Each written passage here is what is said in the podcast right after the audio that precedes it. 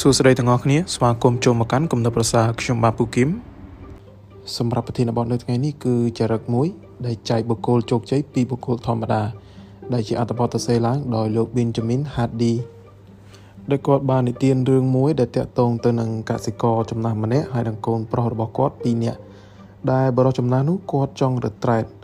ដូច្នេះទើបគាត់បានហៅកូនប្រុសរបស់គាត់ពីរនាក់ហ្នឹងមកនិយាយគ្នា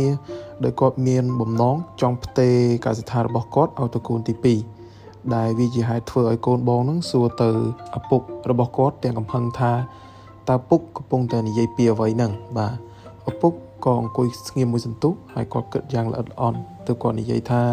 អូខេអញ្ចឹងយើងឲ្យឯងធ្វើអ្វីម្យ៉ាងសម្រាប់យើង យើងត្រូវការគោចូលមកថែមឯងអាចទៅកសិដ្ឋានរបស់លោក CB ហើយសួរគាត់មើលមើលតើគាត់មានគោចង់លក់ដែរឬអត់ទៅគុំច្បងយល់ព្រមហើយទៅកសិដ្ឋានរបស់លោក CB ហើយមកវិញព្រមទាំងនិយាយថាពុកកសិដ្ឋានរបស់គាត់មានគោ6ក្បាលសម្រាប់លក់បាទឪពុកក៏និយាយថាអរគុណសម្រាប់ការខិតខំរបស់កូនច្បងហើយគាត់បែរមករកកូនទី2ហើយនិយាយនិយាយនៅសំណួរដូចគ្នា ហើយកូនទី2ក៏យល់ព្រមហើយនឹងទៅកសិដ្ឋានរបស់លោក CB ហើយមកវិញព្រមទាំងនិយាយថាពុកកសិដ្ឋានរបស់លោក CB មានគោ6ក្បាលសម្រាប់លក់ដោយគោនីមួយៗហ្នឹងមានតម្លៃ2000រូប៊ីបើសិនបើយើងចង់បានគោជាច្រើន បាទថែមទាំង6ក្បាលហ្នឹងទៀតហ្នឹងគឺគាត់នឹងបញ្ចុះតម្លៃចំនួន100រូប៊ីទៀតហើយលោក CB ក៏និយាយថាគាត់នឹងមានគោ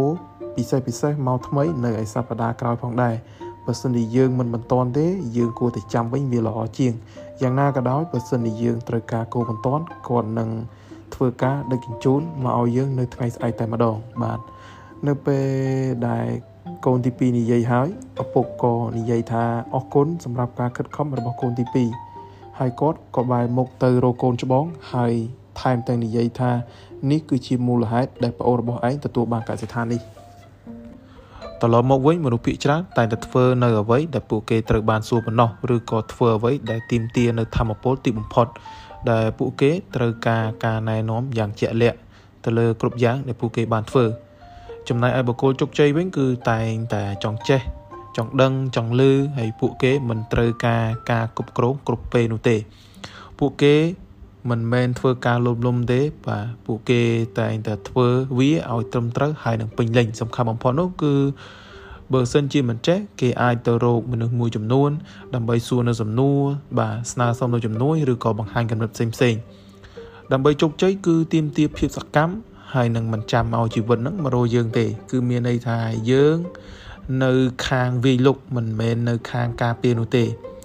ក្នុងគ្រប់អង្គភាពតែងតែមាន បុគ្គលិកតិចតួចដែលពិបាកនឹងជំនួសហើយនឹងបុគ្គលិកជាច្រើនទៀតហ្នឹងគឺដូចកូនច្បងអញ្ចឹងគឺងាយស្រួលជំនួសណាស់បាទការចាប់ផ្ដើមតែងតែមានហានិភ័យហើយឱកាសបរាជ័យក៏មានច្រើនចំណែកឯ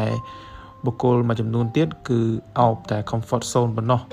ឬក៏កន្លែងដែលសុវត្ថិភាព គឺគ្រាន់តែធ្វើនៅអ្វីដែលគេបានប្រាប់ឬក៏ធ្វើអ្វីដដែលដដែល ចំណែកឯសំណួរនោះគឺថាតើយើងហ៊ានចាប់ផ្ដើមនៅអ្វីដែលថ្មីដែរឬទេ បាទបើសិនជាមិនទេ យើងត្រូវតែដឹងថាជីវិត គឺមិនចាំយើងនោះទេសូមអរគុណពីខ្ញុំពូគឹមសូមជម្រាបលា